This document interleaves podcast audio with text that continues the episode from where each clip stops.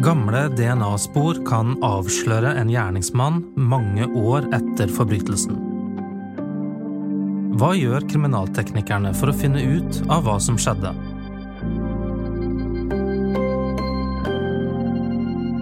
Jeg heter Rune Christoffersen.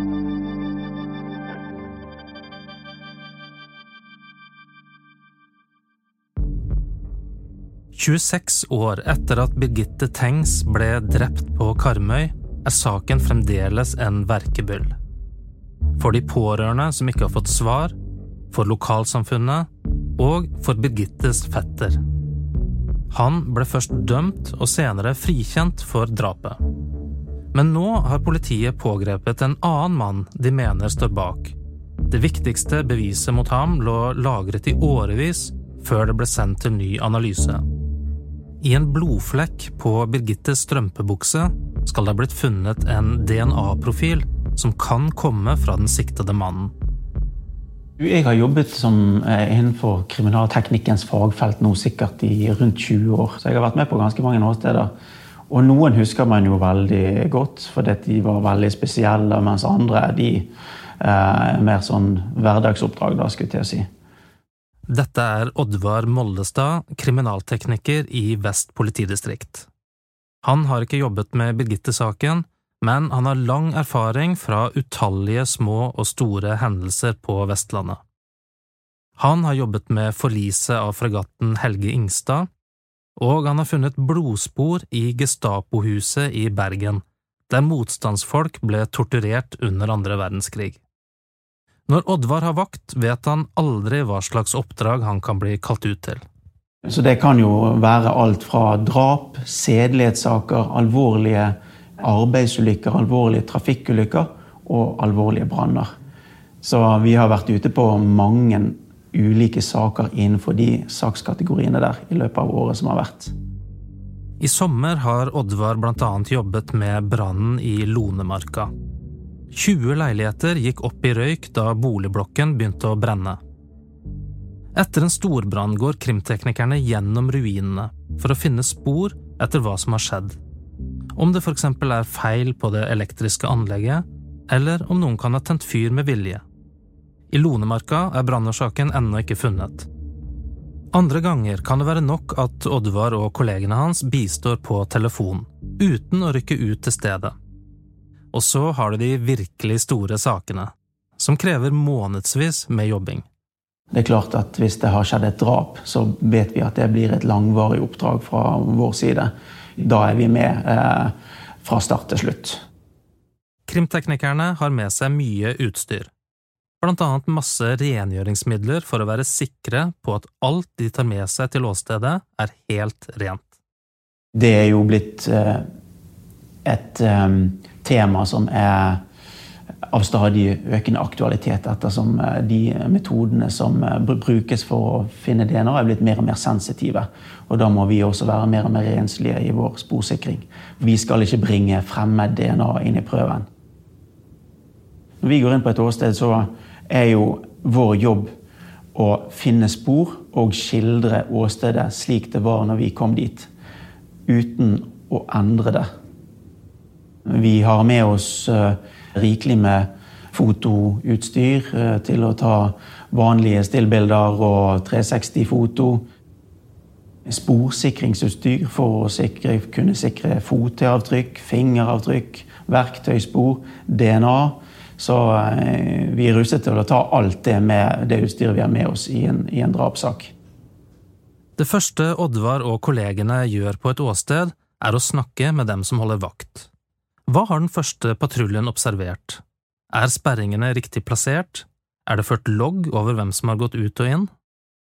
Så Hvis det er snakk om en drapssak, så vil jo vi ha et ønske om å både ha fotavtrykkene og DNA fra den patruljen som har vært inn og ut av det stedet, for å kunne eliminere det ut ifra de sporene vi sjøl finner. Når det gjelder fingeravtrykk, så har de fleste politifolk eh, avgitt sine fingeravtrykk, sånn at de ligger i eh, databasen til Kripos. Hvis åstedet ligger utendørs, kan krimteknikerne ha dårlig tid. Viktige spor kan bli raskt ødelagt av vær og vind. Det er jo alltid spennende når man står i den fasen der, og så er det å vurdere Hvilke spor er det som er mest sårbar? Så i noen tilfeller så må vi gå fort fram for å forhindre at ting går tapt som følge av vær og vind. Vi har hatt noen sånne saker der det er skikkelig bergensvær og et utendørs åsted. Da har, vi, da har vi dårlig tid, enten med å få på plass et telt eller å, å gjøre direkte sporsikring på stedet. Noen åsteder er verre enn andre.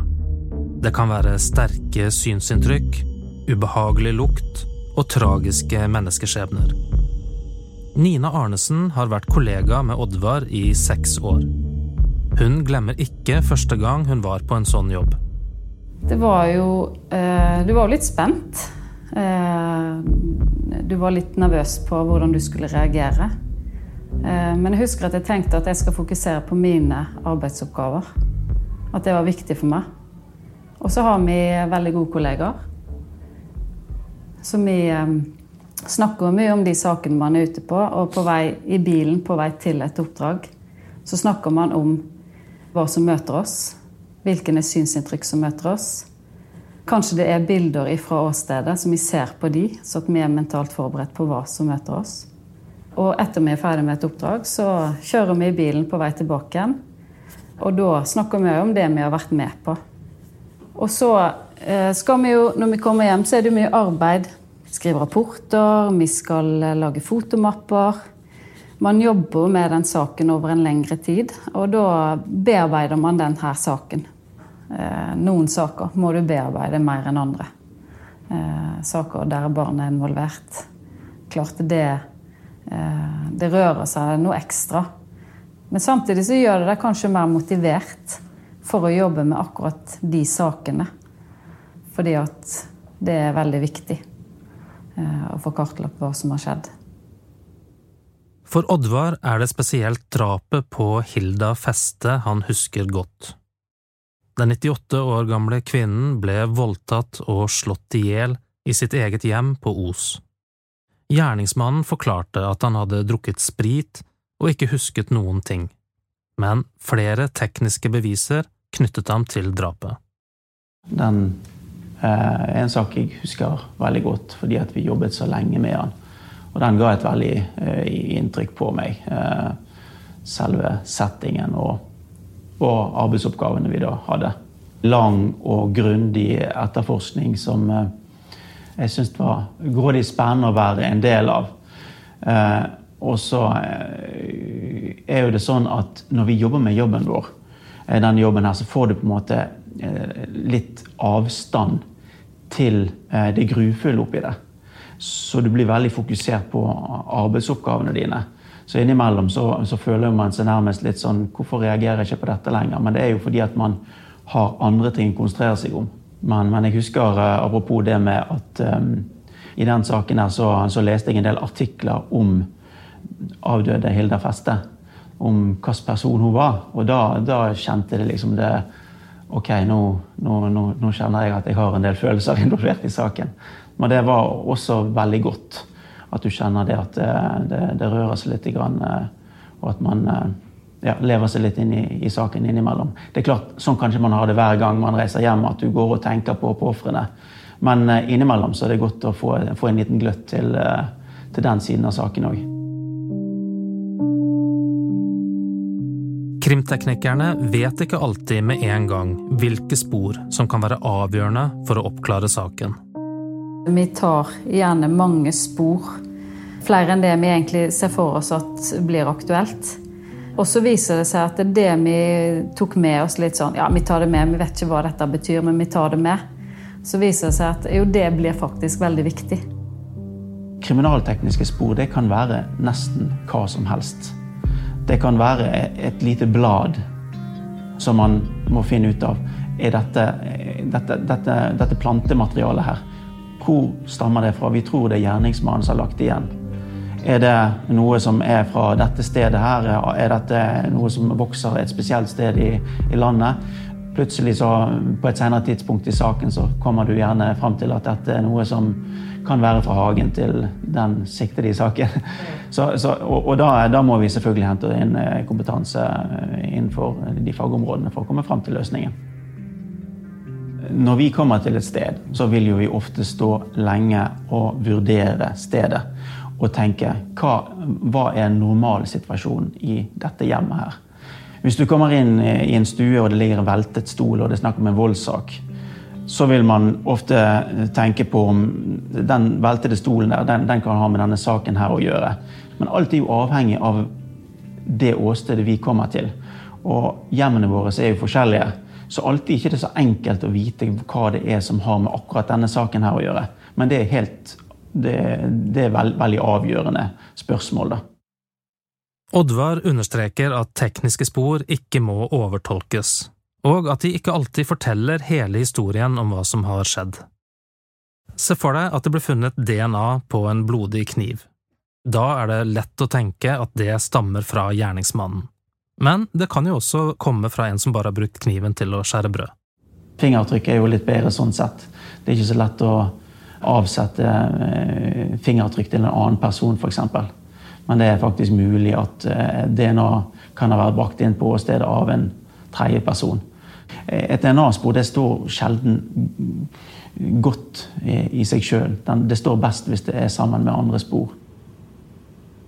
Men når du har vært ute på veldig mange åsteder og sett veldig mye spesielt og veldig mye rart, så kan det være veldig mange forklaringer på hvordan ting har skjedd.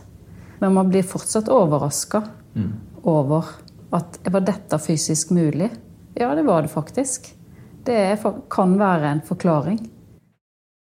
Etter pågripelsen i Birgitte Tengs-saken undersøker politiet om mannen kan knyttes til andre uoppklarte saker på Vestlandet. Han er allerede mistenkt for drapet på Tina Jørgensen fra Stavanger i 2000.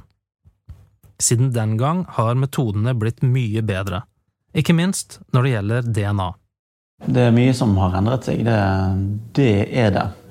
Eh, vi ser jo i dag at det er et mye større dokumentasjonskrav i forhold til undersøkelsene våre. Så vi er vesentlig bedre på dokumentasjon i dag enn vi var for 20 år siden. Vi har jo flere metoder for, for å dokumentere. Det er jo laserskanning, og det er 360-foto, og droner kommer. Og, så, så, det er klart vi har flere verktøy i kurven òg. Utviklingen innenfor DNA-sporet er selvfølgelig eh, noe man ikke kommer utenom. Der har det vært eh, Man trenger veldig mye mindre DNA-materiale i dag enn for 20 år siden for at det skal gi en profil. da. Eh, hvis vi ser på de mest alvorlige sakene i Norge i dag, så ser vi det at de aller fleste blir oppklart. Så eh, hvis man setter inn nok ressurser, så er det gode muligheter for å finne spor. Denne episoden er laget av Anna Magnus, Anna Offstad, Arve Stigen og meg, Rune Christoffersen. Liker du det du hører, så trykk gjerne på abonner i din lydapp og send oss gjerne tips på hva skjedde, alfakrøll, bt.no.